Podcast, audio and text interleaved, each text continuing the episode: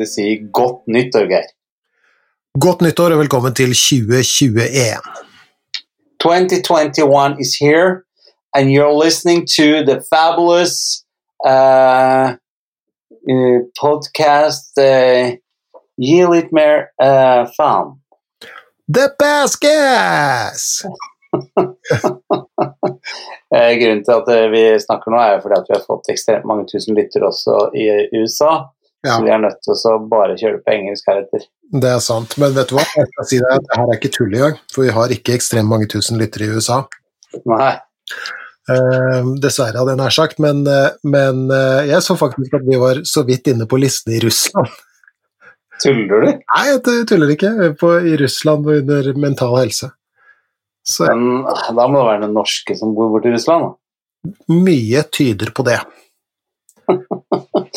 For eh, ja, jeg kan jo bare si velkommen til de i Russland.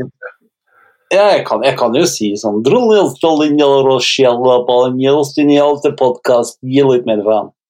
the Piastgas. Det- Ja da. Nei da, det begynner å bli Det er gøy. Og også vil jeg få lov å ønske velkommen alle våre svenske For der har vi faktisk noen som jeg vet som hører på oss, i Sverige også. Vi har Japan. I Japan. Mm, det har vi også. Så vi kan eh, faktisk eh, ut, ja, vi kan med fullt belegg kunne si at vi er en international podcast. Ja, det kan vi si. For Ja. spesielt interesserte, og ikke minst bevandret i eh, det norske språk. Og Ikke minst. rekkende mange som er. Så Ja, hvordan har julen og nyttår vært for deg?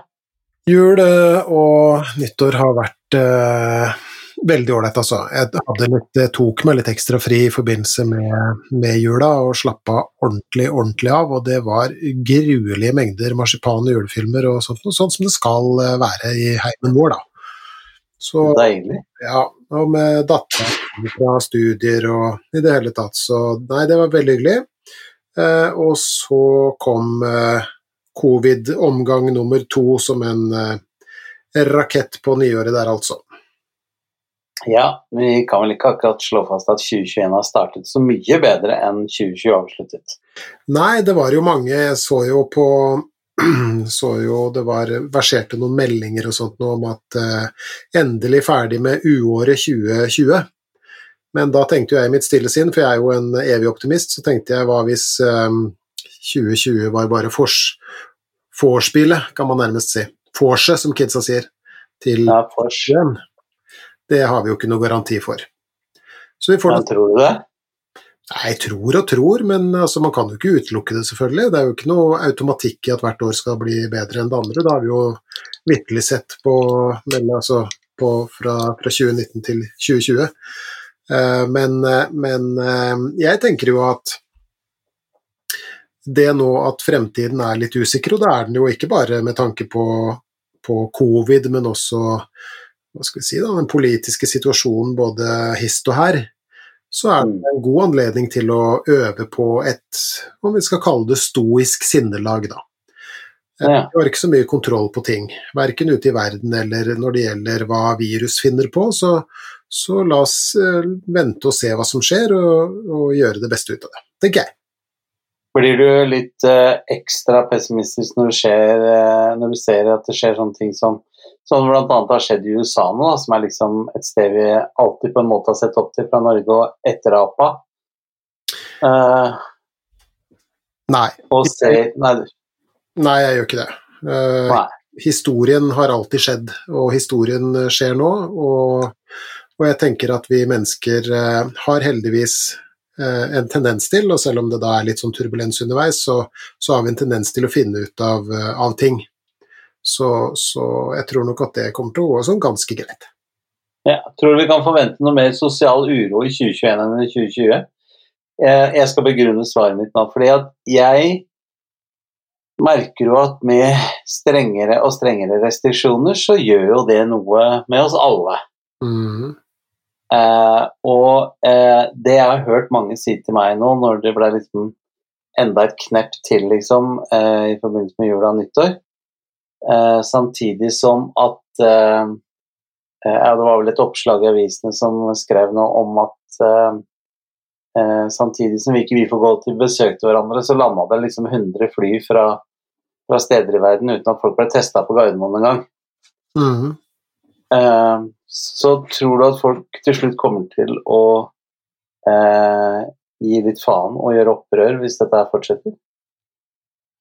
Blir bare spekulasjoner og, og held Ja, ja, så klart. Så klart. utenrikspolitisk eller innenrikspolitisk kommentator for den del, men, men det er vel um, Altså, vi mennesker er jo gode til å innrette oss, eh, vi, men, men å, å innrette oss på evig ufrihet er vel kanskje ikke helt uh, det historien forteller oss at vi er flinkest til, da. Og, så, men jeg tror nok at vi klarer en, eh, en periode til, det tror jeg nok. Hva tror du om sommeren? da? Tror du det blir koronasommer, eller tror du det blir eh, bedre tider så folk kan reise hvor de vil i sommer? Jeg tror ikke at vi kan reise hvor vi vil, nei. Eh, Men igjen, da, bare spekulasjoner, så, så Og så er ikke jeg, er faktisk ikke så glad i å, å, å spekulere, litt sånn jf. temaet vi har hatt under podkasten i, i alle de episodene vi har lagd hittil. Så, så igjen, jeg tror eh, det, det beste vi kan gjøre, er rett og slett bare å vente og se og passe Sorry. i Ja, riktig. Jeg spriter Ja, unnskyld. i dette øyeblikk. Si det siste en gang til. Jeg veit at jeg ødela det. Sorry. Nei, det går, eh, går eh, fint. Jeg tror nok at uh, um, de andre hørte meg. Men er, ja, altså, jeg har sittet her på kontoret og jobba og forberedt i timevis i dag. ja. Det er forskjellige ting. Ikke en nys. Nei. Nei, det er jo eh, å nyse i våre dager. Ja, nei, altså, jeg nyser jo Jeg nyser jo hver dag. To til, men bare én nys eller to nys i løpet av dagen. Mhm. Men det er merkelig at det skulle skje akkurat når du og jeg sitter og lager podkast. Ja, ja. Du er kanskje allergisk mot spekulasjon og, og inviterer til så Jeg tenker at la oss ikke spekulere, la oss passe på hverandre og gjøre det beste ut av situasjonen en stund til, og så får vi nå heller bare se hvordan det her barker av gårde, da. Og så går det Ja, men, mot Men altså uansett hvordan det blir og ikke blir, tenker jeg, så går det mot Ja. uh, lysere tider, og vi kan kanskje sitte litt ute og, og, og sånt noe, så, og da tenker jeg at det vil oppleves lettere uansett. For Ja. de aller fleste av oss i hvert fall, da. og aldri så galt at det ikke er godt for noe. Jeg syns det er uh, Jeg prøver uh, For det er en klok mann som sa til meg en gang at det handler ikke om hvordan du har det, men hvordan du tar det.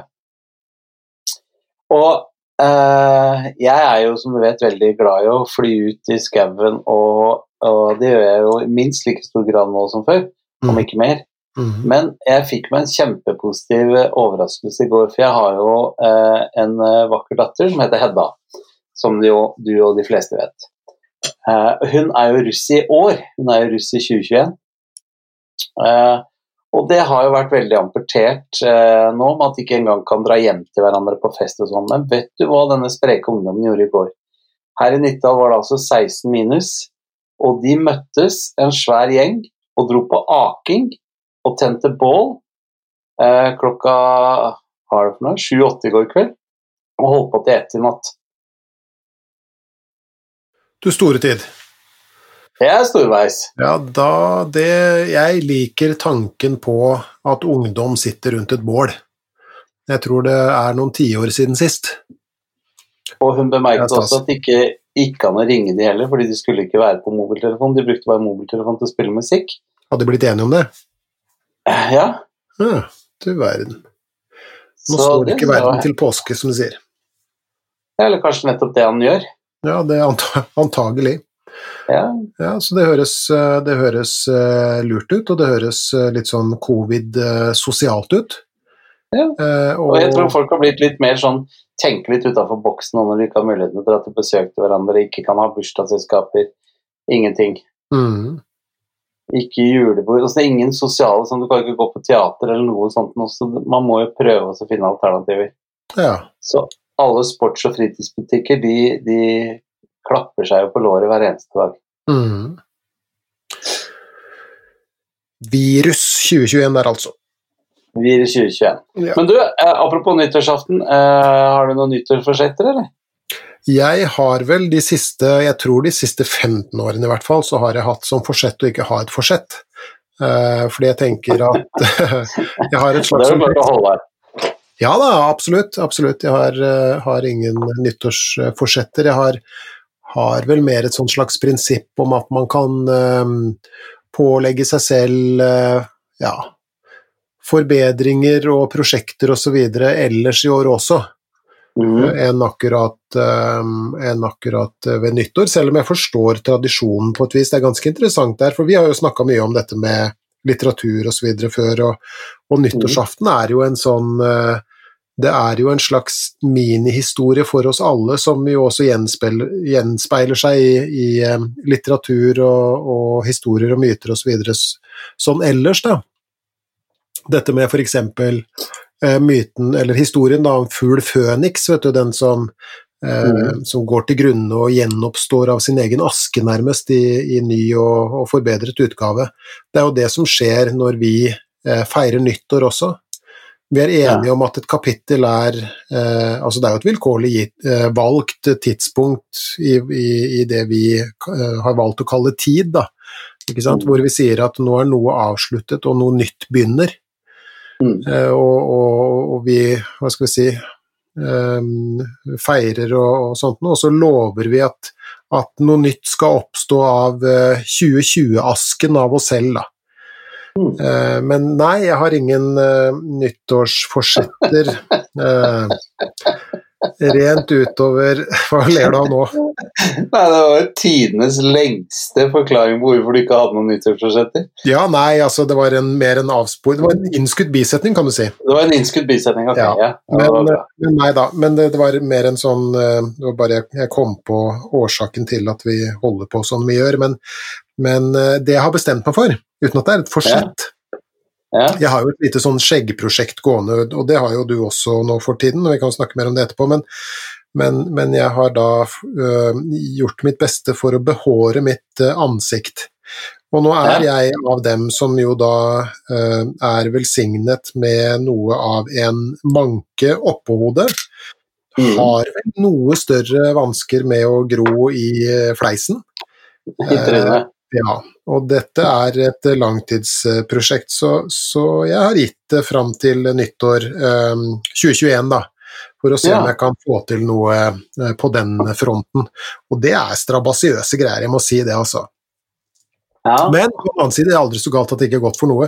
Jeg dro til en uh, aldeles utmerket uh, barberer som vi har her i, uh, i, Tønsberg for en liten tid tilbake. Fikk en rojal behandling der. Det, jeg tror det er det nærmeste vi mannfolk kommer spa, altså. Det var et oppkomme av varme og kalde håndklær i ansiktet og innsmøring med Eh, de lekreste salver, og, og, det ble barbert med barberkniv Nei, du aner ikke. Det var, eh, var, var en opplevelse. Det var en opplevelse. Ja. Så, men enn du, enn du, er du på nyttårsforsett-galeien? Ja, altså, eh, jeg også har jo dette skjeggprosjektet gående, men jeg trodde at du, der, er du, der er du litt mer velsignet enn meg på den fronten. Ja, fordi jeg har det ikke på toppen, så jeg har det mer i bunnen, da.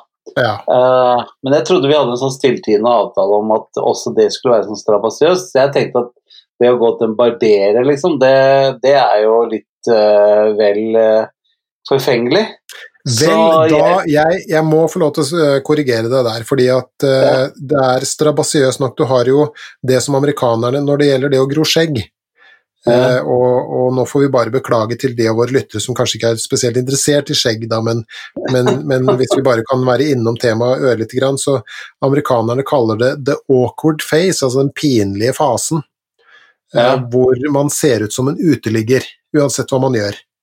Og ikke at det er noe gærent i å være uteligger, det er ikke det jeg sier, men, men uh, ofte så er vel ikke tilgangen på steder hvor man kan bedrive personlig hygiene, kanskje ikke størst, da. Eh, og, og, da blir man av og til, i hvert fall i perioder, seende ut deretter. Men, men, så jeg så ut som jeg hadde bodd en stund under en bro et sted, eh, og mm. det ordnet barbereren på, det kan jeg bare fortelle deg med en gang. Men det jeg skulle si, er at jeg også steller det jo, men jeg, jeg gjør det jo stort sett i skauen, så jeg sitter jo der med kniv. Og, det gjør ikke du, nå må du gi deg. og av og til øks også, hvor jeg bare legger eh, har finslipt øks for å få den rette Ja, jeg er jo opptatt av litt sånn tømmerhogger-feelingen, da. Så, så, du barberer deg med skarpslipt øks? Ja. ja. Og bruker kvae sånn for å få det til å bli stivt og fint, da. Hva, hva mer drømte du den natta, da? Nei, den var for tjukk, altså. Men du har jo vært i skauen, det, det skal du ha. Jeg er i skauen stort sett hver dag jeg har fri. Ja. Så det, akkurat det er ikke tull.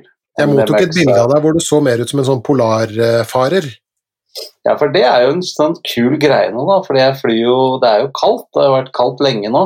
Eller lenge og lenge, for iblant. Uh, men i flere uker, da.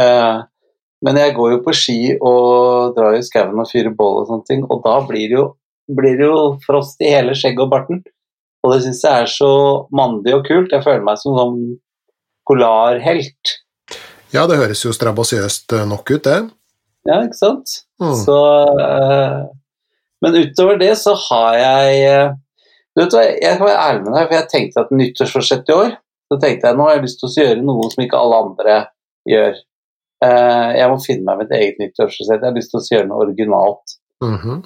så, så, det har jeg gjort. Så jeg har satt meg litt sånn Kall det litt sånn atypisk, unormalt nyttårsforsett. Jeg er spent. Jeg skal trene mer og gå ned i vekt. Sjelden har jeg hørt et mer originalt nyttårsforsett. Denne går inn i historiebøkene, det kan jeg bare fortelle deg med en gang. Yes, ja. Og det fant du ut helt av deg selv, eller? Ja, jeg kan si at det lå mange timer tenking bak før jeg kom fram til den konklusjonen. Da må jeg bare få gratulere, det der var veldig godt tenkt. Ja, eh, og ikke spre det heller, for det jeg har lyst til å ha det som mitt eget forsett, liksom, at ikke absolutt alle skal kopiere det. Men uh, spøk til side, så er det faktisk det jeg gjør. Og det er, det er to ting. Det er på en måte en kombinasjon av et nyttårsforsett, uh, hvor jeg følger da kalenderen og ser at nå kan jeg legge 2020 bak meg og begynne på 2021. og Uh, dette her med at Jeg jobber jo mye med at vi nå snart skal ha den første strabascampen om en måned og halvannen. Og syns jo det er så interessant å utsette meg sjøl for stadig mer og mer ting som er tungvint og strabasiøst, og få den mestringsfølelsen av det. Så mm. da kan jeg kombinere de to. Mm, Både at jeg tar bedre vare på kroppen min, beveger meg mer, og tvinger meg sjøl til å gå gjennom det ubehaget jeg har lyst på alt det Jeg er jo en sjokoisoman, vet du, så det å gå forbi Jeg var på Strømmen Storsenter her om dagen. Der har de eh, et konditori som heter eh, Jeg skal ikke reklamere, for de får ikke noen penger av dem, men det begynner på B og slutter på EAT. Eh, og eh, der har de så jævlig gode skoleboller, og det koster 49 kroner for én. Hvis du mm. kjøper fire, så betaler du bare 100. Og vet du hva jeg klarte nå eh, når jeg var på Strømmen Storsenter på torsdag? Fredag? Nei. Da kjøpte jeg fire skoleboller, men jeg spiste bare tre og en halv av de. Så jeg er på vei. Det er eh, Nei, jeg, jeg kjøpte Du er et studie i selvkontroll, herr Steine. Det er veldig bra. Altså. Nei, jeg klarte å gå forbi tre ganger, og jeg stoppet ikke opp og kjøpte. Du kjøpte ikke en så, eneste skolebolle? Ikke en eneste skolebolle kjøpte jeg. Du verden. Så, så jeg skal være flink. Men Det er mulig jeg drømte her, men, men det var Jeg mener også å ha huske at noen Jeg tror at det var deg, eh, mm. som også mumlet i, i det frosne skjegget sitt om at uh, han skulle redusere sitt inntak av nikotin. Ja, åssen endte den drømmen, da? Jeg tror at den endte med at, uh, at, at du eh, For du var hovedpersonen. Ja, greit, greit, greit, greit. Jeg har lyst til å uh, kutte ned på snusinga, og, og jeg har, skal snuse betydelig mindre i 2021. Uh, og endestoppet er å kutte det helt ut. Hmm det er jo noen altså Onde tunger vil hevde at det å kutte snus og skoleboller på én gang kan bli noe av eh, hva skal vi si, en, en, eh, en eh, prøve for viljen, da. Mm. Hva tenker du om det? Nei, jeg tenker at uh, folk må få lov å mene og tro hva de vil. Jeg har i hvert fall bestemt meg for at eh, jeg ikke skal kutte ut begge to på akkurat samme tid. Men jeg kan Mhm. kutte ned på begge to samtidig. Mm, mm. Eventuelt kan du legge sånn skoleboller under leppa. Ja, Det skal jo ikke være sånn at jeg aldri mer skal spise sjokolade eller is, eller sånt, men jeg har ikke noe som helst vondt av å legge til eh, bare lørdager, f.eks. Eller eh, kanskje jeg skal være så gæren at jeg sier bare fredager. Mm, mm. Eh, og snuse kan jeg kutte ned. Nå snuser jeg rundt fem bokser i uka, og det er fint hvis jeg kan kutte ned til én boks i uka. Og da etter hvert eh, bestemme meg for, for det er bare det jeg mener det handler, om. Mm. Det er bare å bestemme seg, og så Mm. kutter det helt. ut. Ja, Det er jo helt nydelig. Jeg har nå vært snusfri i to år. Så fint for deg, da. Ja, men det kan jeg fortelle at det var noe av en prøvelse, altså. Ja, det ser du. Eh, Ja, men jeg har ikke tatt en eneste en, men det var eh, smertefullt. I hvert fall altså når, når det gjelder det å slutte med, med ting, f.eks.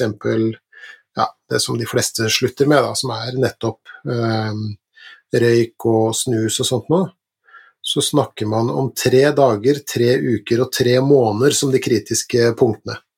Og jeg kan fortelle at de tre første dagene, det føltes ut som å være på sånn heroinavvenning, altså.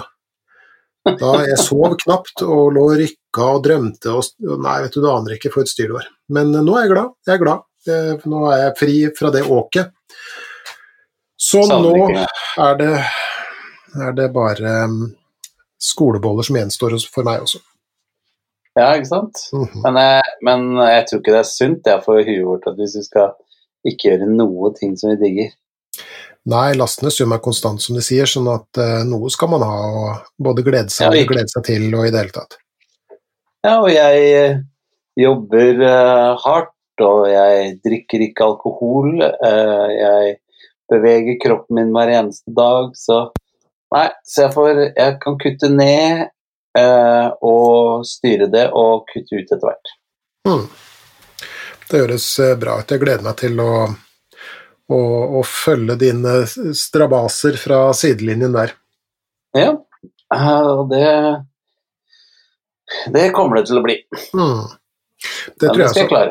Ja, ja, men eh, da, altså, det her er jo ganske interessant, fordi at det viser seg at ubehag som blir eh, servert oss, som vi bare liksom må håndtere, det, det, det har vi ganske Eller vi har, har, har eh, vi, vi har større vanskeligheter med å takle det enn ubehag vi påtar oss frivillig. Men i det øyeblikket vi påtar oss ubehag frivillig, så blir det lettere å, å håndtere for oss. Det er, av, det er faktisk noe av kongstanken bak eh, behandling, f.eks. både eh, kognitiv og metakognitiv terapi osv. Det at du frivillig går, eh, går det du plages av og kanskje til og med frykter mest i møte. Da. ja, Du, du gjør det frivillig, det, det, er lettere. Det, er, det er lettere for oss. Så hvis en lege hadde kommet og sagt at jeg måtte slutte med snus i morgen, så hadde det vært vanskeligere for meg hvis jeg bestemmer det. Ja, det kan man tenke. For det, å, å, liksom, det å stadig skulle reagere, da, altså være reaktiv, det er jo, det er jo litt sånn byttedyr-moduset, på en måte. Ja. Men, men eh, det å gå en stressord i, i møte eh, på frivillig basis, litt sånn Ja, vi har snakka mange ganger om Sankt Georg og dragen, det å, å gå dragen i Ja. møte. Det gir ikke den samme eh, stressresponsen, faktisk. Heter det stressord? Stressord, ja. Ja. Er det et Det, ord? det, som, det er et ord. Det er ukas Er det, liksom, er det triggeret for stress? Ja, det er det. Ah, stressord. Stressord der, altså. Ukas ord. Du syns det hørtes islandsk ut? Ja. Ja. Nei, du vet, jeg sliter, sliter med sånn stressord. Det er, ja. ja, det kan hende at det, det kommer derfra. La oss finne ut av det. Vi, vi, kaller, vi, kaller, eh, vi kaller det ukas ord. ja. Men du, Ja, nok snikksnakk. ja, For i dag har jeg lyst til å snakke om en ting som jeg tror eh, kan være morsomt. Eller det bør være morsomt. ja, fordi at du Um, jeg sa jo at uh, vi Nå må vi komme i gang med en sånn uh, Hva skal vi si Første episoden i 2021, og da sa du 'jeg har et forslag'. Ja. Og da ble jeg veldig spent. ja, jeg har jo forslag innimellom. Ja, du har det, altså. Så hva er det du har lyst til å, at skal være ukens tema? Du, jeg har lyst til å snakke om uh, humor og psykisk helse, eller eh, Ja, humor og psykisk helse eller mental helse. Jeg vet ikke hvilket ord som er lov å bruke, ikke. Men eh, eh, snakke om eh, hva har humor å si for eh, den mentale helsa vår? Stemmer de, alle de påstandene jeg har hørt? Eh, betyr det i så fall at jeg som komiker er da en terapeut? Ja, ja det er jo et, et godt spørsmål, det, for så vidt. Nei, altså Grunnen til at jeg, at jeg hadde lyst til å snakke om det, er fordi at eh, jeg har, eh, jeg har eh, I lengre tid så har jeg av og til blitt bestilt fra firmaer til å komme og holde foredrag og snakke om humør Aha. og humor. Humør og da- humor. Ja. Ja. Og er det noen forskjell på de to, og hva kan vi gjøre på arbeidsplassen? Dette spiller det noe inn? Og, og det gjorde jo at jeg satte meg ned og eh, jeg liker å kalle det studerte, alle andre kaller det googling, men jeg kaller det å studere. Støtter deg veldig på det. Eh, ja, bra. Eh, og, og, så, og da er det så mange sånne ting som jeg, jeg, leste om som jeg syns var veldig interessant. Mhm. Og det tenkte jeg at siden jeg da har en slik en vis mann med meg i podkasten som deg, så er det et bra fora for å diskutere ting. Fo... Fo... Ja, herre Ja. Eh, prositt, aller først. Jo, der kom prositten, takk. Jo, bare hyggelig. Gesundheit, som tyskerne sier. Ja, her, Eh, eh, og da ble jeg så bestyrta, fordi at det å høre den lyden der er jo ja, nesten som å høre et ladegrep i våre, våre tider. Så, så jeg glemte fullstendig hva jeg skulle si, så bare fortsett, du. det verste er at vet, jeg har en gang jeg var på butikken, selv om jeg, har, jeg er flink til å bruke sånn eh, maske og sånn, Mm. eller munnbind eller hva det heter, Ja, munnbind. Ja. Eh, men en gang så måtte jeg nyse i butikken. Og at jeg følte at absolutt alle så, så på meg og rista på huet og himla med øynene. ja, det Det er forstår liksom. Det er jo noen som, liksom det er noen som har, har, sier i hvert fall da at de har hatt stor glede av å fise i heiser. Eh, men, men den nye hobbyen bør jo være å, å simulere et nys i en fullstappa heis. Da tror jeg det blir panikk, altså. ja. Det, Men det er rart, for det er jo noe som ikke har, har vært før. Så det er sånn derre eh, Nå eh, i begynnelsen var det sånn Ja, det hadde vært lurt om vi andre kunne bruke munnbind. Så tenkte herregud, nå må vi slutte å være så hysteriske. Men nå føler jeg for det første Hvis jeg er i en uheldig situasjon så jeg ikke Jeg var det blant annet da jeg gikk på langrennsski i går, så hadde jeg ikke med meg ansiktsmaske. Mm. Jeg ville inn og hente et glass vann på Lilleåseter. Og der satt jo alle med maske. Jeg følte meg altså så teit fordi jeg ikke hadde eh, munnbind på. mm, Jeg hadde bøff da helt opp til øynene, så det, det, ble Ja. som å, å stenge myggen ute med hønsenetting. Men, ehm, men eh, hvis jeg går inn i en butikk nå og ikke har munnbind, så det, det gjør jeg nesten ikke lenger. mm, Eh, og ikke bare det, men hvis jeg ser andre som ikke har det, så blir jeg sånn Jesus. mm, Sant? Ja. Så det er en ny greie. Men dette var i hvert fall en skuddbisetning, for det var humor og psykisk helse. Det var det vi skulle snakke om. Det jeg skulle si da du nøs, var Ja. at du sa fora, men det er jo eh, flertall. Entall er forum, så dette er et godt forum å ta det opp i. Eh, så ja da. Så du skal drive med norskundervisning òg nå? Ja, med latin, faktisk. Men ok. Humor og psykisk helse, kjære venn, kjør på.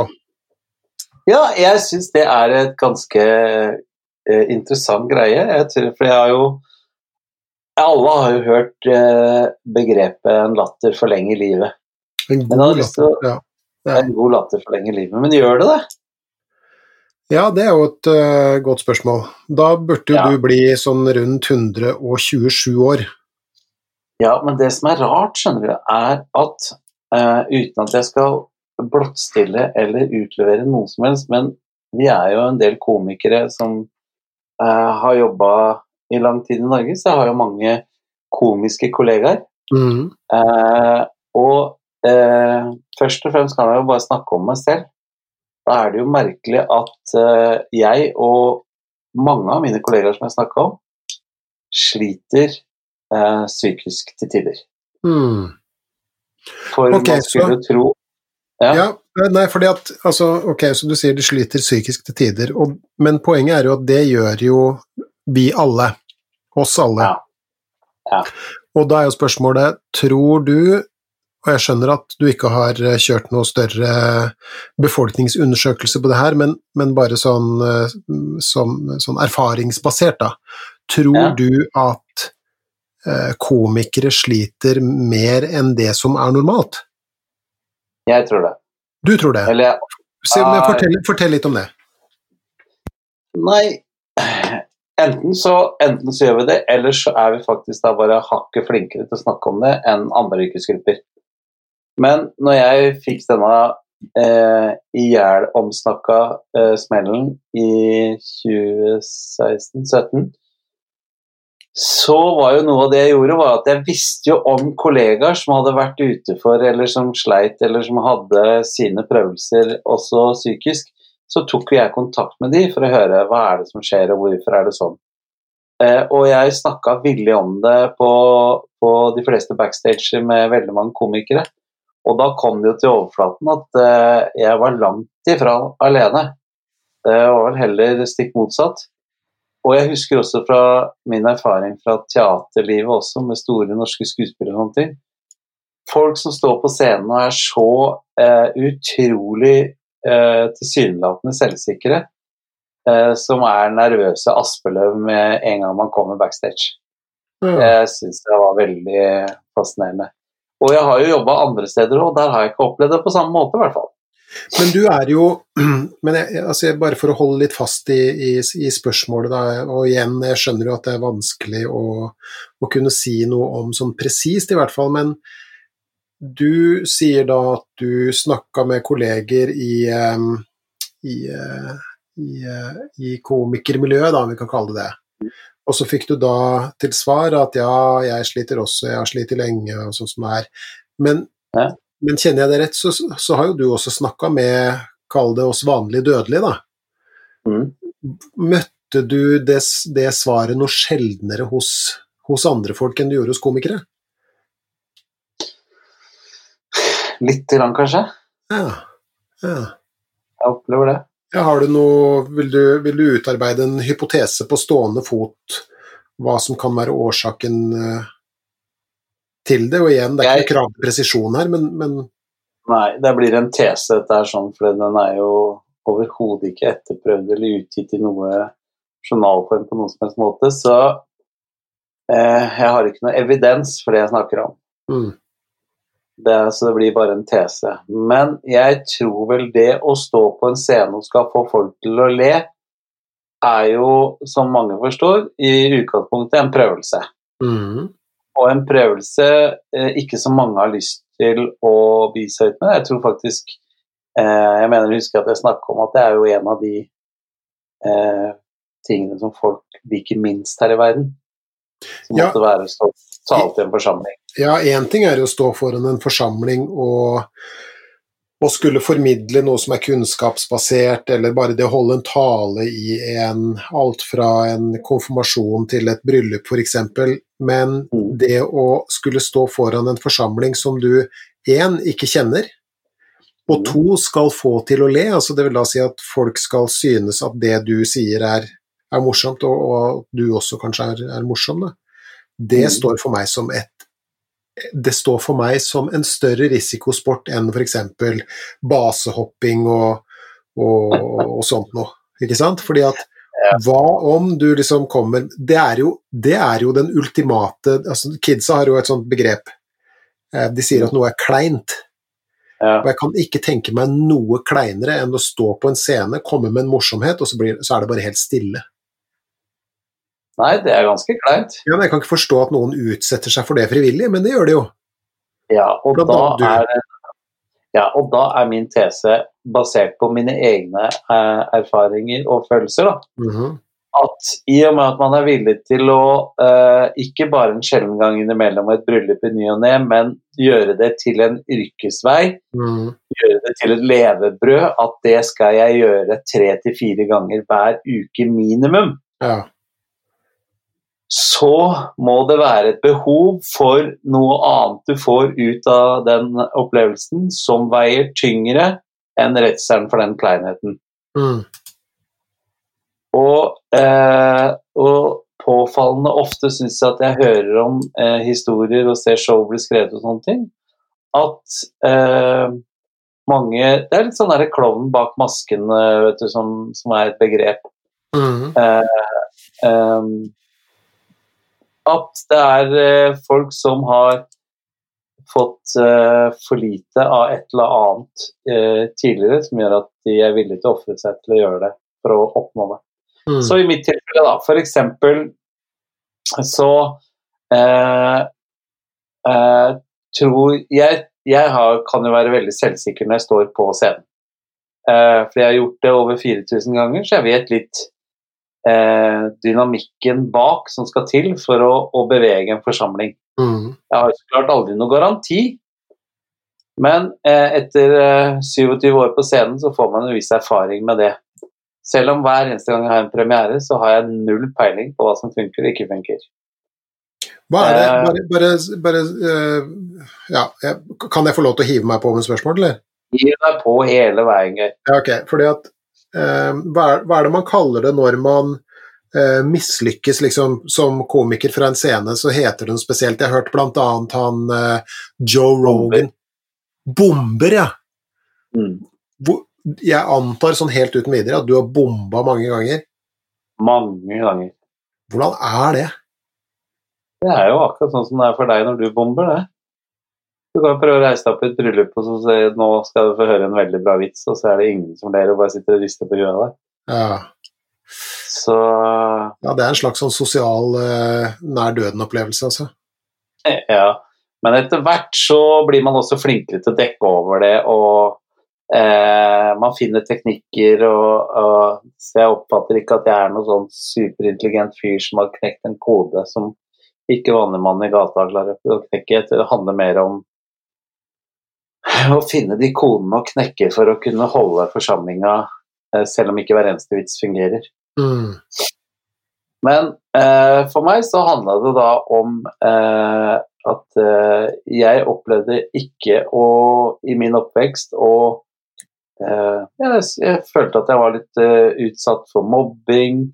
eh, var utsatt for uro i både heim og skole. Jeg følte liksom ikke at jeg fikk aksept for den jeg var, da, eller er. Mhm. I hvert fall her innbilte jeg meg før hva var årsaken. Så for meg så ble dette her en, eh, en, et goal jeg satte meg da jeg var ni år gammel, eh, for at jeg skulle til scenen. Mm. For å få oppleve eh, det ultimate formen for aksept, nemlig applaus, og da i senere år også latter. Mm. Eh, og den eh, hungeren og den sulten da, når jeg begynte å jobbe med dette her og tenkte at dette her er det som er det ultimate, eh, det eh, veide tyngre enn redselen for å ikke lykkes. Mm. Eh, og min tese er det at jeg ikke er alene i bransjen om akkurat den biten. Ja, og det der har vi jo snakka litt om før i noen tidligere episoder også. Mm. Jeg tenker jo at en av de tingene jeg godt, altså, eller altså mest nesten, kunne tenkt meg i denne podkasten og, og, og si, podkastserien, det er jo å tromme sammen noen uh, av de menneskene som vi andre kaller kjendiser. Og, og gått dem litt nærmere på klingen og fått høre litt om, om kjendistilværelsen og hva som gjorde at de valgte det, og hva som gjør at de fortsetter, og, og om de har gjort noen oppdagelser underveis osv. Så, videre. så det er jo et, eh, et uh, utrolig uh, interessant tema, tenker jeg.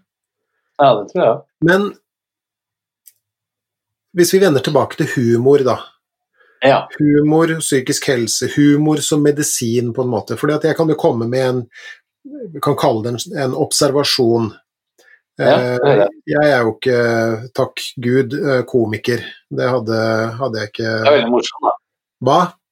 Det er veldig morsomt, da. Min kone vil benekte det på det sterkeste, men, eh, men det er veldig hyggelig at du sier det. Ikke, alltid planlagt, men det er morsomt. Ufrivillig morsom. Ja, eller ikke planlagt. Ja, ok. ja. Riktig. Ok, Men, men jeg har jo hatt uh, gleden av, før korona tok livet av det hele, da, men, men uh, jeg har jo hatt gleden av å være med deg på en god del forestillinger.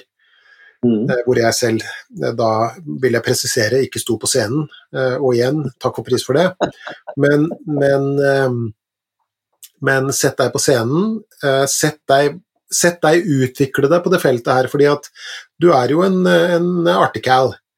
Ja. Men samtidig, ja, men samtidig så har jeg jo har jeg også sett en utvikling hos deg hvor du i større og større grad, og vi har jo også snakka om det her eh, etter forestillingene f.eks., for hvordan du eh, som en som alltid har jakta latter, eh, også har i større og større grad både øvd på og dermed turt å stå mer i det landskapet hvor du er eh, alvorlig også, da.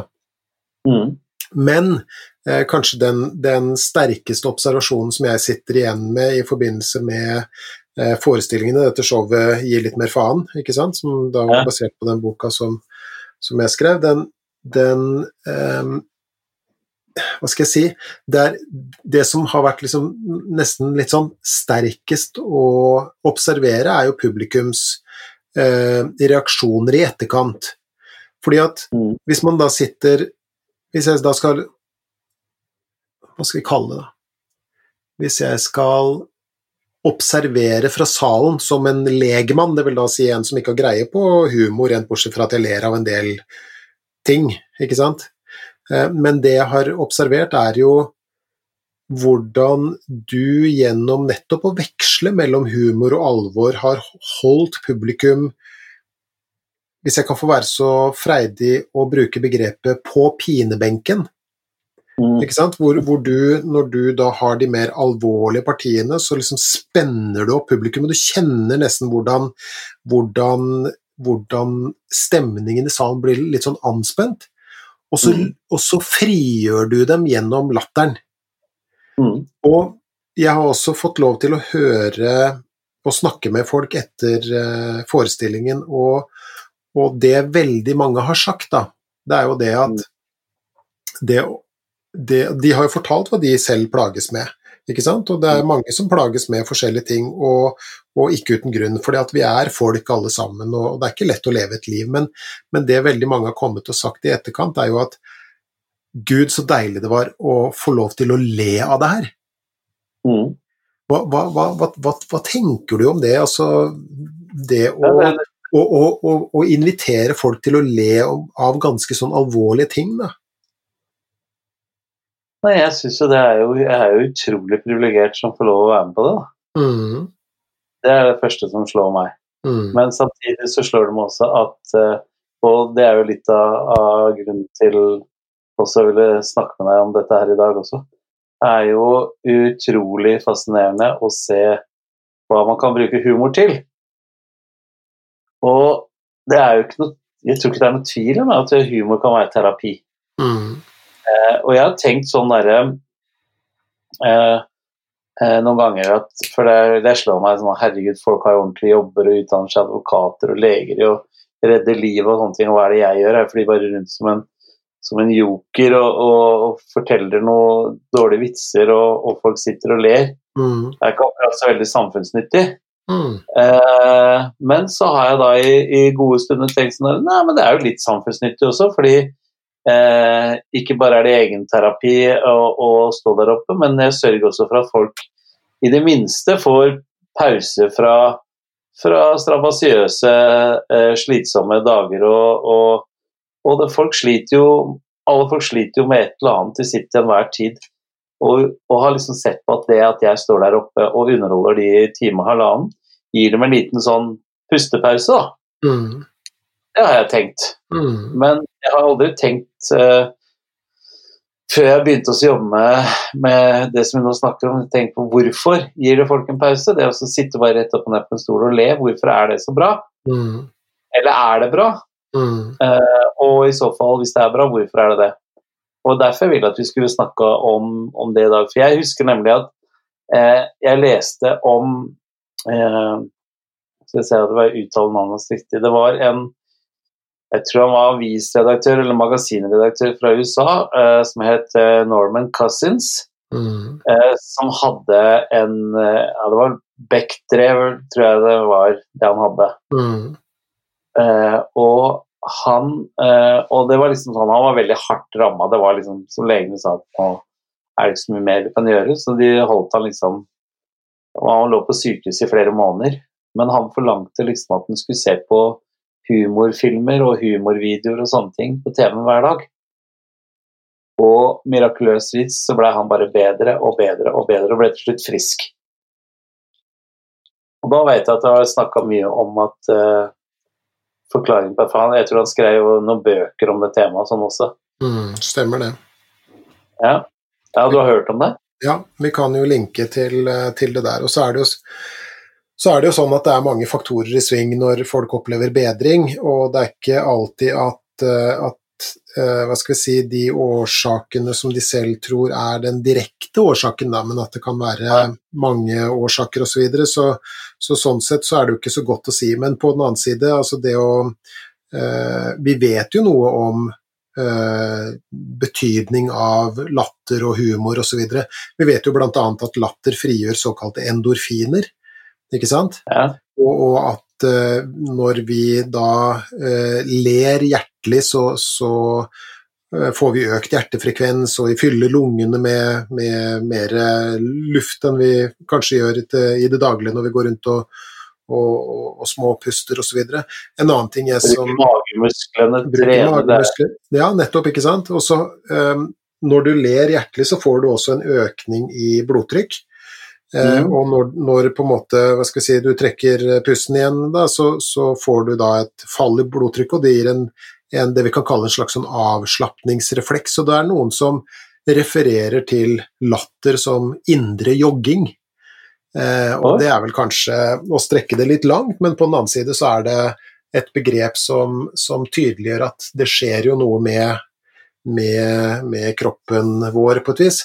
Og så er det jo også sånn at du snakker jo om at eh, folk kommer og setter seg i salen for å kanskje få slippe litt unna og, og få lov til å le litt. og det er, jo, det er jo den samme årsaken som vi f.eks. da kan dra på kino, eller vi, det vi gjorde i hvert fall før alt det her skjedde, men at vi drar på kino eller, eller teater eller sånt noe for å, å, å få lov til å konsentrere oss om noe annet for en stund. da.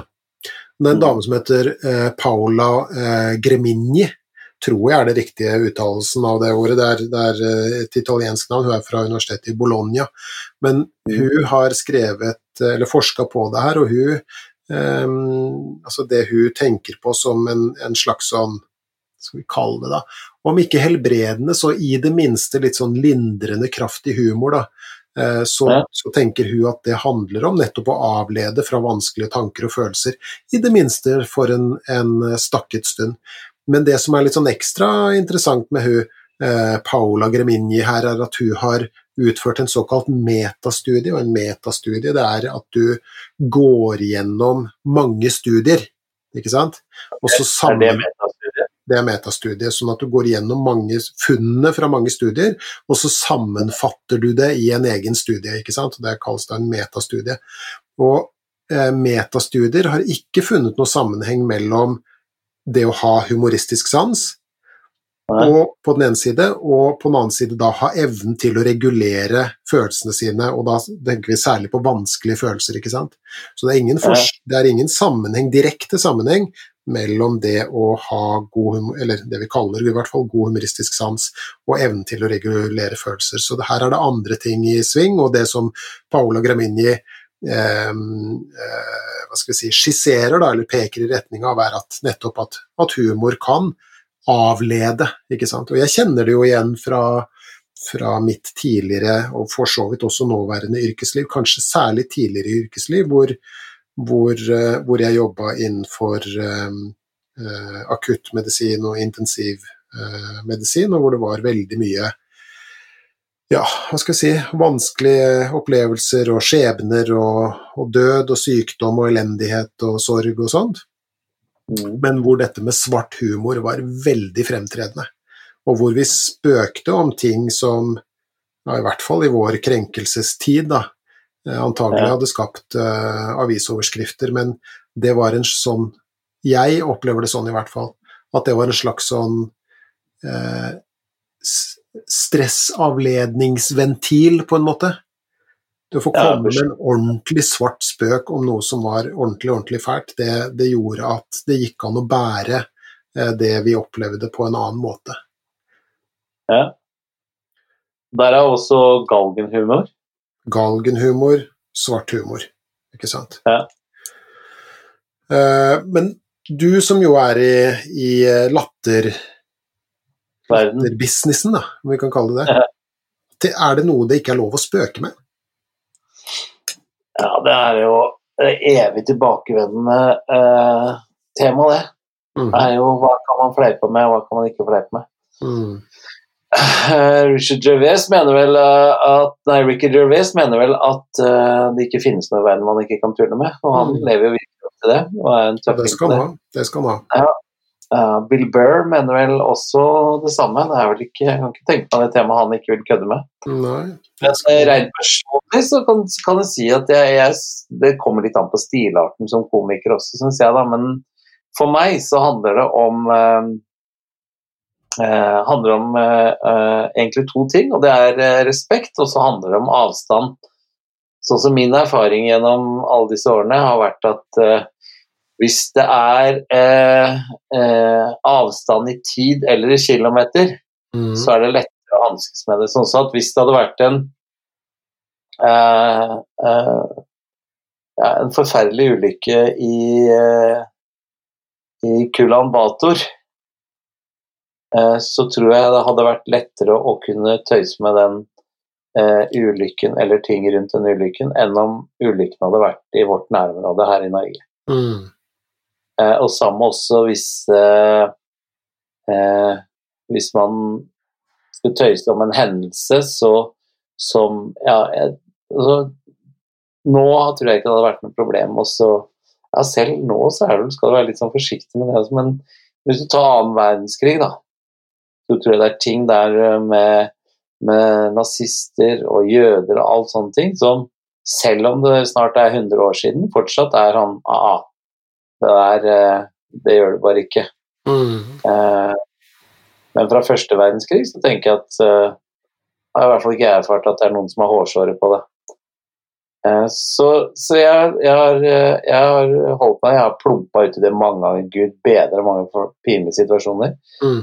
Eh, Men eh, hatt det litt som en sånn mantra for meg, da, respekt for de som er i salen, Mm. eh, eh, og avstand. Mm.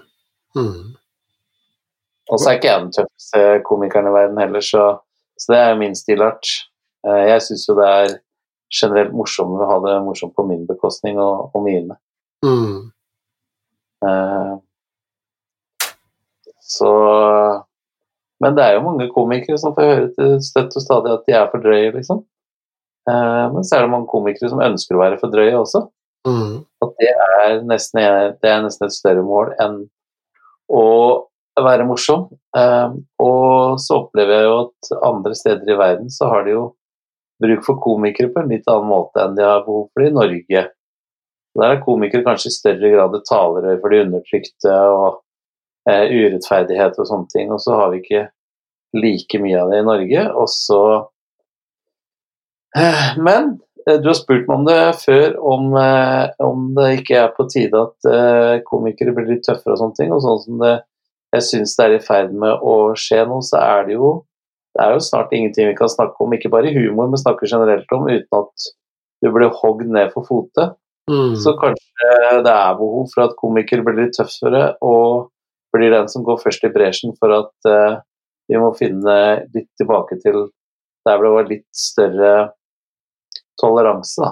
Mm. For, eh, for jeg syns jo um, debattklimaet sånn som det er blitt nå, er jo, er jo sånn at det går på redsel, og da er det ikke noe gøy, syns jeg. Mm. Nei, du kalte jo deg selv en joker i stad, og, og, og det jeg tenker på da, er jo en såkalt narr. Ja, Ja. og narr er egentlig leter etter. Ja, ikke sant? Og, og uh, i, i riktig gamle dager så, så, var det jo hoffnarrer, f.eks. Altså, og da var det jo for så vidt en konge på hver eneste haug bortover, da. Uh, så det var jo mm. greit nok. Men, men narren hadde jo en særstilling i, i, hoffet på den måten at han var um, uh, en uskyldig og, og, merkelig karakter som dermed slapp unna med ting. Og det var ja, og det har jo på mange måter vært, uh, vært komikernes uh, særstilling i, i, i, samfunnet. At de, at de, kan nettopp rette søkelyset uh, mot hva skal vi si, ting som er litt sånn betente å snakke om. Da. Ja. Og det er jo, og igjen så har, jo, har vi jo snakka tidligere om Det gjør jo både Ricky Gervais og, og Bill Burr og en del andre folk med veldig så stort hell nå. Eh, nå begynner mm. de også å rette søkelyset mot en del sånn, man kan kalle det hellige kuer, som det ikke er så stuerent å snakke om i vårt, uh, vårt samfunn. Mens man tidligere kanskje snakka om helt andre ting uh, som, mm. som, som, da ikke var, uh, var, var stuerent, på en måte. Ja, du har jo sett det nå bare i Norge de seneste månedene, så har det vært masse diskusjoner om det om Og motargumentet er at skal komikere ha et frikort liksom til å og snakke om ting som andre ikke bør snakke om, eller, eh, eller skal vi frede komikere sånn at vi får lufta opp disse tingene som ingen tør å snakke om. Mm. Masse debatt rundt det derre eh, nissene over skog og hei eh, med Espen Eckbo og denne figuren mm. og mm. blackface. Fryktelig mange meninger begge veier. Og, eh, og, begge sider har jo både gode og dårlige argumenter, spør du meg. Men men uh, veldig, veldig vanskelig. Og da er jeg ikke sikker på at humor er, eh, er så bra psykisk helse, når, uh, når, det er det som blir resultatet av det. Nei, jeg, jeg tenker jo uh, humor er jo, eller kan være, en sikkerhetsventil for sinnet hos enkeltmennesket. Ja. Um, litt sånn jf. det jeg forteller om f.eks., for eller i terapirommet eh, hos meg, så er det masse latter. Eh, ja. Innledningsvis kan det være gråt eh, når man ja. forteller historien sin og, og, sånt noe, men det snur ganske fort. Ja. Og, og, vi begynner å, å, se på livet med en litt sånn skråblikk og, og ja, jf. disse tolv trinnene til en tyngre tilværelse, som vi da har tatt opp i noen tidligere episoder også. Uh, det er jo en måte å snakke om veldig vanskelige ting på, men på en, en humoristisk måte, da. Og det blir en slags eh, sikkerhetsventil. Og det jeg hører deg si nå, er jo også er jo at humor kan også være en sikkerhetsventil for samfunnet. Ja. Og hvis man da uh, Hva skal vi kalle det? Hvis vi da stenger for uh, den sikkerhetsventilen, så, så kan jo trykket øke, tenker jeg.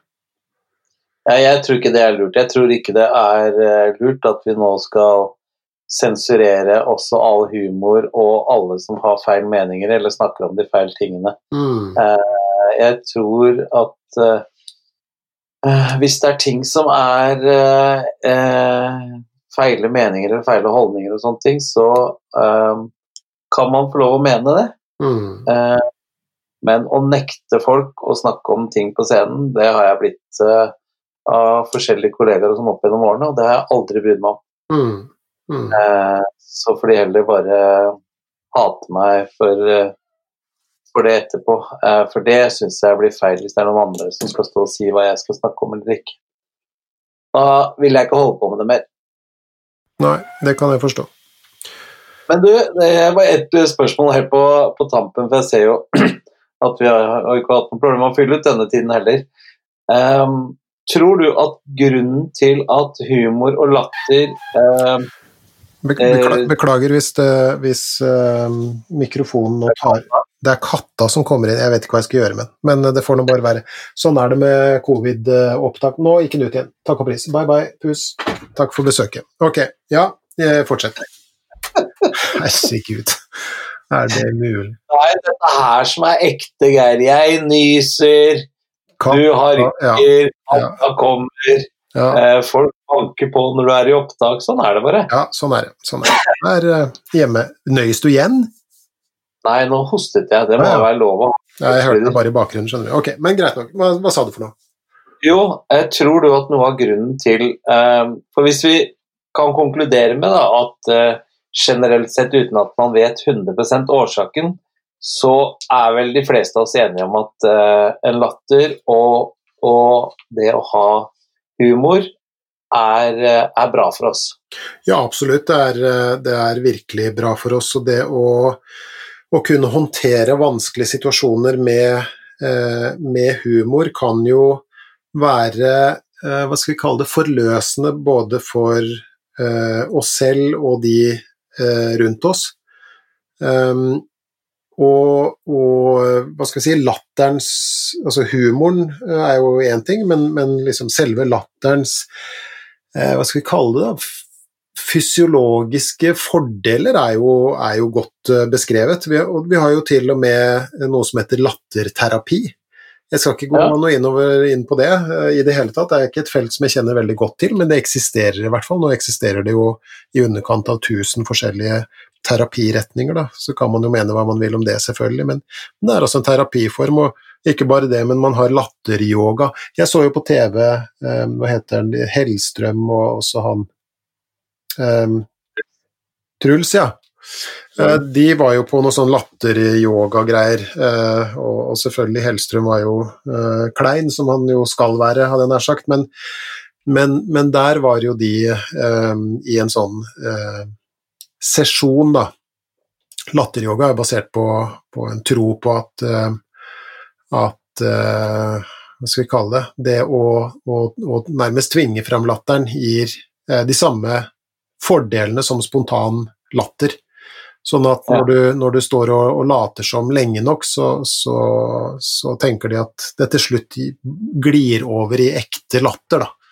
Eh, og, så, og, så, får du denne indre joggingen, ikke sant.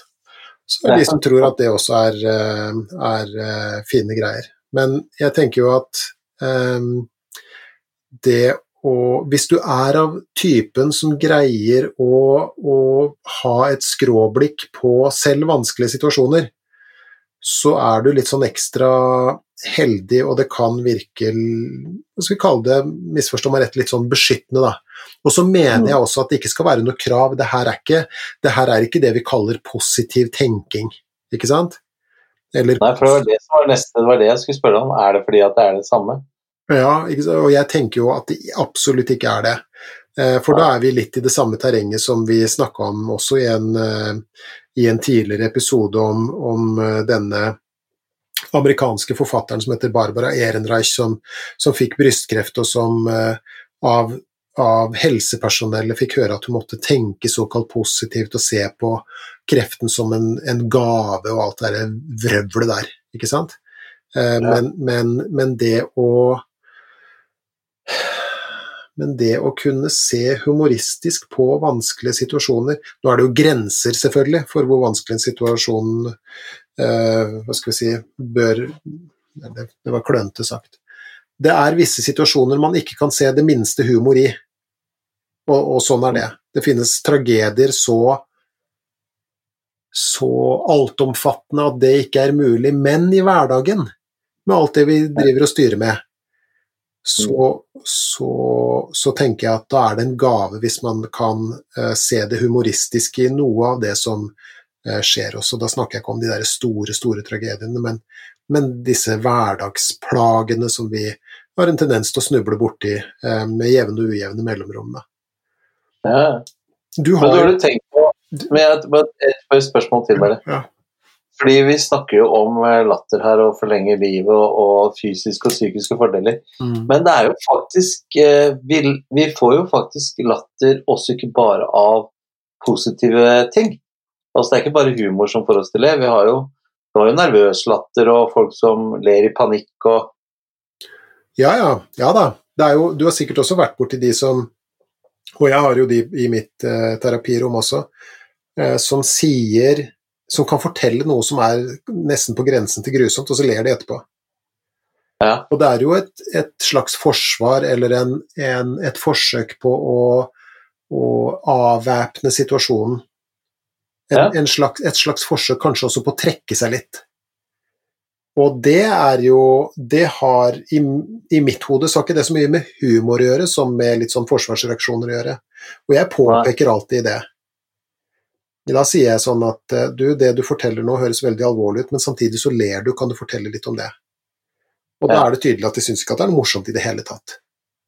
Men de, de forsøker å, å, å, å dempe eh, både min og, og kanskje også sine egne reaksjoner på, på det som er vanskelig, da. Ja. Men du har jo, hvis jeg kan få spørre deg om noe, da. Ja. Du, hvis vi skal liksom vende tilbake til, eh, til eh, den, den, den trøkken som du fikk i 2016-2017, Ja. eh, kan du si noe om, om dine, hva skal vi kalle det, reaksjoner oppi det her? Altså, du er jo en humoristisk type, og, og sånn som jeg har blitt kjent med deg, så har du evnen til å, å se det humoristiske ganske mye, men, men hvordan var det for deg sånn helt i begynnelsen der? Altså, var det, var det, Da lo jeg ikke. da lo du ikke? Nei. Nei. Tok det lang tid før du greide å, å begynne å se litt sånn skrått på det igjen, da, tenker du? Flere uker. Flere uker. Ok. Ja. Mm. Nei, det Da var det så mye andre sterke følelser i kroppen min, så da tror jeg ikke jeg hadde klart det om jeg hadde prøvd. Mm. Men når det er sagt, så når eh, jeg begynte å jobbe med de tingene her, så er det ikke noe tvil om det å se på ting med skråblikk og humor. Og det har jo vært med på å forme det showet som, som eh, heter 'Gi litt mer faen', som er basert på boka di, men også tatt med de, de hendelsene og ser på de tingene som jeg opplevde da med skråblikk. Så jeg ler jo meg i hjel i, i dag av eh, ting jeg trodde og tenkte, og paranoiaen som jeg hadde på det verste da. Mm. Mm. Og jeg kjenner at det er med på å distansere meg fra det. Mm. Så, men akkurat når det sto på på det verste de første ukene, da Jeg må spørre andre, men jeg tror jeg er ganske sikker på at uh, det var ikke mye latter fra denne gutten da. Mm. Mm. Det, det showet, og det var jo synd at, at det bråstoppa sånn i forbindelse med dette virusutbruddet. det så jo ut til å bety mye for, eh, for mange. Mm. Og, og det å få Ja, det var i ferd med å ta skikkelig av, det. Hva sa du? Ja, det var i ferd med å ta skikkelig av. Ja, det, det var det. Men det, og det Mm. å, å, å kunne le seg fillete av noe som var såpass vondt og såpass alvorlig, det, det så ut til å være en, en, en god opplevelse og nærmest en lettelse for, for mange. Da. Ja, og så tror jeg at eh, lettelsen lå i for mange, fordi de fleste Og dette er noe som kommer til å skje med de aller fleste av oss, enten flere, en eller flere ganger i livet. Når du kommer ut for det, så er den første eh, lammende frykten du får, er at dette her gjelder bare meg, det er meg det er noe gærent med. Mm. Og så står det da en eh, klump av en skallafyr på scenen og forteller at han opplever det, har det samme sjøl. Mm. så tror jeg det ligger mye Jeg tror Én, de ler av at uh, vi er flinke til å ha, ha, å lage skråblikk ut av de tingene. To, uh, jeg tror de ler litt uh, av eh, små trykk som letter i kroppen deres. Mm. Jeg bruker mye humor selv når Blir forløsende. Hva sa du? Ja, det er, blir forløsende for dem. Ja, ja, ja.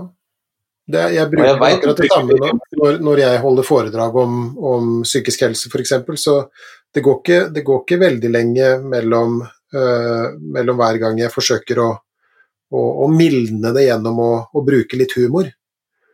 Og Nei, det, det var, gjør det veldig mye. og det var jo også målet da jeg skrev øh, boka 'Hvordan gi litt mer faen', så, så var meninga å behandle et alvorlig tema på en måte som gjorde at det ikke ble så tungt og så truende, da. Mm. Og der er jo humor eh, et godt virkemiddel, kan vi si. Og Derfor så går ikke jeg med på, så jeg kan jo bare si til Turi at du ikke er morsom, for det var noe av det første jeg la merke til etter hvert i boken, var eh, hvor ofte jeg dro på smilebåndet av eh, eksemplene dine og måten du ufarliggjorde veldig mye. Mm, mm. Eh, så der, eh, der har du en, eh, en liten Nå høres det ut som vi har Dette episoden her skal Geir og Tommy sitte og digge hverandre. Høre hvor fantastisk flinke de har vært. Det er ikke det jeg mener, men ja, Nei, nei, men, men, men summa summarum, da, tenker jeg. Mm. Det er det, som, det du sa eh, nå også. Det at hvis du befinner deg i en situasjon som da selvfølgelig ikke er 100 katastrofal, eh, Ja. men, men, men, som, men i en situasjon som er hva skal vi kalle det, påregnelig, da, så er Mm. nettopp det eh, å, å skal vi si å, å ta i bruk humor er en måte å trøste seg selv litt på, ufarliggjøre det på, åpne en sikkerhetsventil. Er det, Ja. en, er det en god oppsummering? ja, det syns jeg er en veldig god oppsummering. Mm. Mm. Uh, uten at det skal være noe tvang eller pålegg for noen at «Åh, nå må jeg, nå må jeg, nå må jeg tenke morsomt, nå må jeg være morsom, nå må jeg le. Mm. Ja, nei, det skal det ikke være. Der ser du, Geir. Det blei en lang episode i dag òg, det. Det blei det. Er, er det, tenker du at du har, um, har fått behandla det du vil behandle, hadde jeg nær sagt? Altså er det noen eh, temaer, eller nei, ikke temaer, er det noen uh, punkter eller momenter du tenker at vi skulle ha snakka om? Ikke som jeg kom på det, er det helt sikkert. Og det er sikkert noen av de som hører på som mener at vi skulle snakket om og kunne dere ikke tatt med det og sånne ting. Men in the top of my head, som vi sier på nynorsk, Mm. så uh, har jeg alle de punktene som jeg har skrevet ned på forhånd, har du og vi uh, kunnet snakke om. Mm. Du avslutningsvis skal få stille deg et spørsmål. Spørre en komiker om det her. Mm. Hva syns du selv er morsomt? Hvem syns det er morsomt? Hva, hva er det som gjør at du syns at de er morsomme osv.? Kan du si litt om det? Det kan jeg godt si noe om, fordi at eh, for mitt vedkommende så handler det veldig ofte om situasjonskomikk. Mhm. -hmm. Det er- bananskall og bløtkaker og sånn? Ja, det er å dra den langt, da. Men ja, det er det ting jeg opplever. Jeg syns f.eks. min elskede samboer Linda er ustyrtelig morsom. Jeg, jeg, og jeg vet ikke om hun alltid er like begeistra for at jeg sier det, for jeg tror ikke det var hensikten hennes i noen tilfeller. Eh, jeg kan også få skikkelig latterkrampe av deg. Eh, ufrivillig, som du sier. Eh, men generelt så er det altså det å se på ting i nyhetsbildet, eller se folk på gata, eller ting som, som er i situasjonen, det er det som får meg til å le. Og så er det for meg som alle andre, eh, og det er et viktig element som må være med for å få meg til å le, og det er overraskelse. Mhm. Ingen mennesker som ler 100% ekte uten overraskelse. Det ligger liksom to elementer. Det, det jeg prøver på for å få folk til å le, det, er, en- det må ligge en gjenkjennelsesfaktor. Enten i form av at de har opplevd det selv, eller at de i hvert fall skjønner hva jeg snakker om. Mm. Og så må jeg komme med en overraskende twist på det. Ja. Som eksempelvis i stad, uten at det var noe sånn glitrende, og jeg tror ikke jeg får komiprisen av akkurat den setningen, men som jeg sa i stad, at nei, jeg har bestemt meg for at eh, nå skal jeg ha et nytt årsett som ikke så mange andre har. Mm. Så jeg har tenkt å begynne å trene mer og gå ned i vekt. Den så ikke du komme. Den så jeg ikke komme. Det skal du ha, altså. Og da begynner du å le, og jeg ler av det. Ja. Så jeg har oppnådd eh, to ting. For det første vet alle hva nyttårsforsett er, og at alle vet at 99% av forsettene går ut på å slanke seg og trene. Og jeg serverer det når de minst forventer det. ja. Er det noen eh, nasjonale og eller internasjonale komikere du vil treffe frem? Er det noen tre, trekke frem? Er det noen, noen eh, hva skal vi si, sånn, litt sånn komiserer du syns er spesielt morsomme, bare sånn avslutningsvis? Ja, jeg liker eh, Jeg kan le mye av Modern Family. Mhm. Jeg, jeg var jo så klart nesegrusbeundrer nesegrus av Seinfeld i sin tid. Mm. Eh, ser jeg på Seinfeld nå, så skjønner jeg ikke hva jeg lo av da, men det viser jo bare at eh, ikke alt tåler tidens tann. Mm. Av komikere i Norge så er det mange jeg syns er morsomme. Ikke hele tiden, ikke hver gang, men det er noen som får meg virkelig til å gapskratte. Det er sikkert 10-20 stykker. Av utenlandske er det er jeg nok litt mer svak for amerikansk eh, standup-komikk enn eh, enn engelsk, som liksom er de to eh, pilarene vi har. Um, og for tiden så er jeg jo er jeg jo ganske sånn Jeg ler jo ganske mye av Bill Burr. Mm. Var en stund veldig fascinert av Louis C.K. Ja, sånn som alle andre. Ja. Og så har jeg hatt en søramerikansk Nei, ikke søramerikansk, en sørstatskomiker som jeg alltid har digga, som nå begynner å bli gammel, som heter Ron White. Som jeg syns er helt uh, har en fantastisk stil. Ja. Så, men jeg ler ikke av noen av disse tingene her som er planlagt, så mye som jeg ler av ting som oppstår i dagligdagse livet. Ja. ja. Og du har med andre ord evnen til å se humoren i ganske mye. Jeg håper det. Ja. Jeg anser sjøl at jeg har det, i hvert fall. Eh, Men jeg er jo, som alle andre barnslige gutter i 50-åra, eh, ikke like flink til å se humoren i mine egne feil som i andres. Mm. mm. Ja. Høres kjent ut. Jeg er faktisk, jeg faktisk eh, klarer noe så fantastisk som å være det som går i en definasjon skalla, men allikevel til tider hårsår. Mm. Ja. Den er, det er en vond kombinasjon. Det er en vond kombinasjon. Uh, but a man gotta do what a man gotta do. Du sier si det på norsk. Ja. Bra. Bra. Ja, Vi lovte hverandre for x antall episoder om vi skal kutte ut alt det engelskgreiene. vi. Mm, gjør det. Så flinke til det. Men en mann må gjøre det en mann må gjøre. Det er liksom motto. Det er bra. Det er bra. Da er vi i mål, gode herr Steine. Nei, nei, nei, nei, ikke helt. Fordi at hvis oh, eh, noen skal sende oss frem Vi får jo mye fine mails. Vi får mange fine, hva sa du? Eh, får veldig mye e-poster, Ja. elektroniske poster. Ja. Og vi vil at folk skal like tommel opp eh, og gi oss eh, gode anmeldelser på der hvor de kan gjøre det, sånn at vi sånn at vi kan fortsette i hvert fall en stund til med dette her. Mm. Men hvis de skal sende oss en elektronisk post, eh, så skal de sende til hvilken eh, elektronisk adresse, Geir? De skal sende den til følgende eh, e-brevsadresse. Det er gi litt mer faen at gmail.com. Gi litt mer f i ett ord. Ja, nå må du bestemme deg. Skal det være det gi litt mer faen, eller gi litt mer F?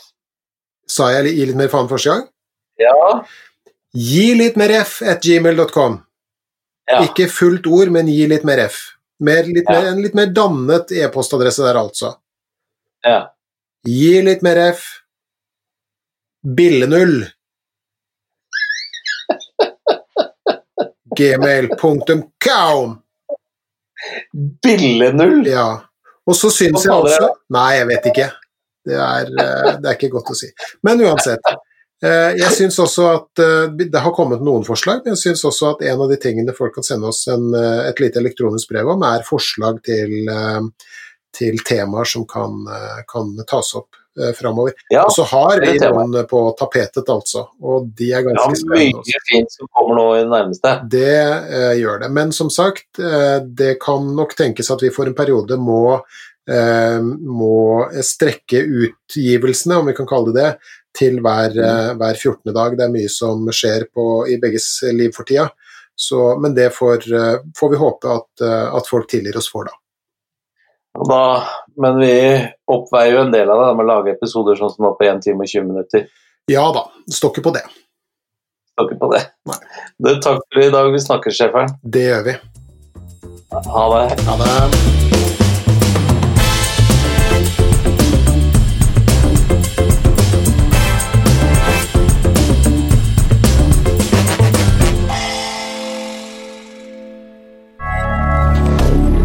moderne media.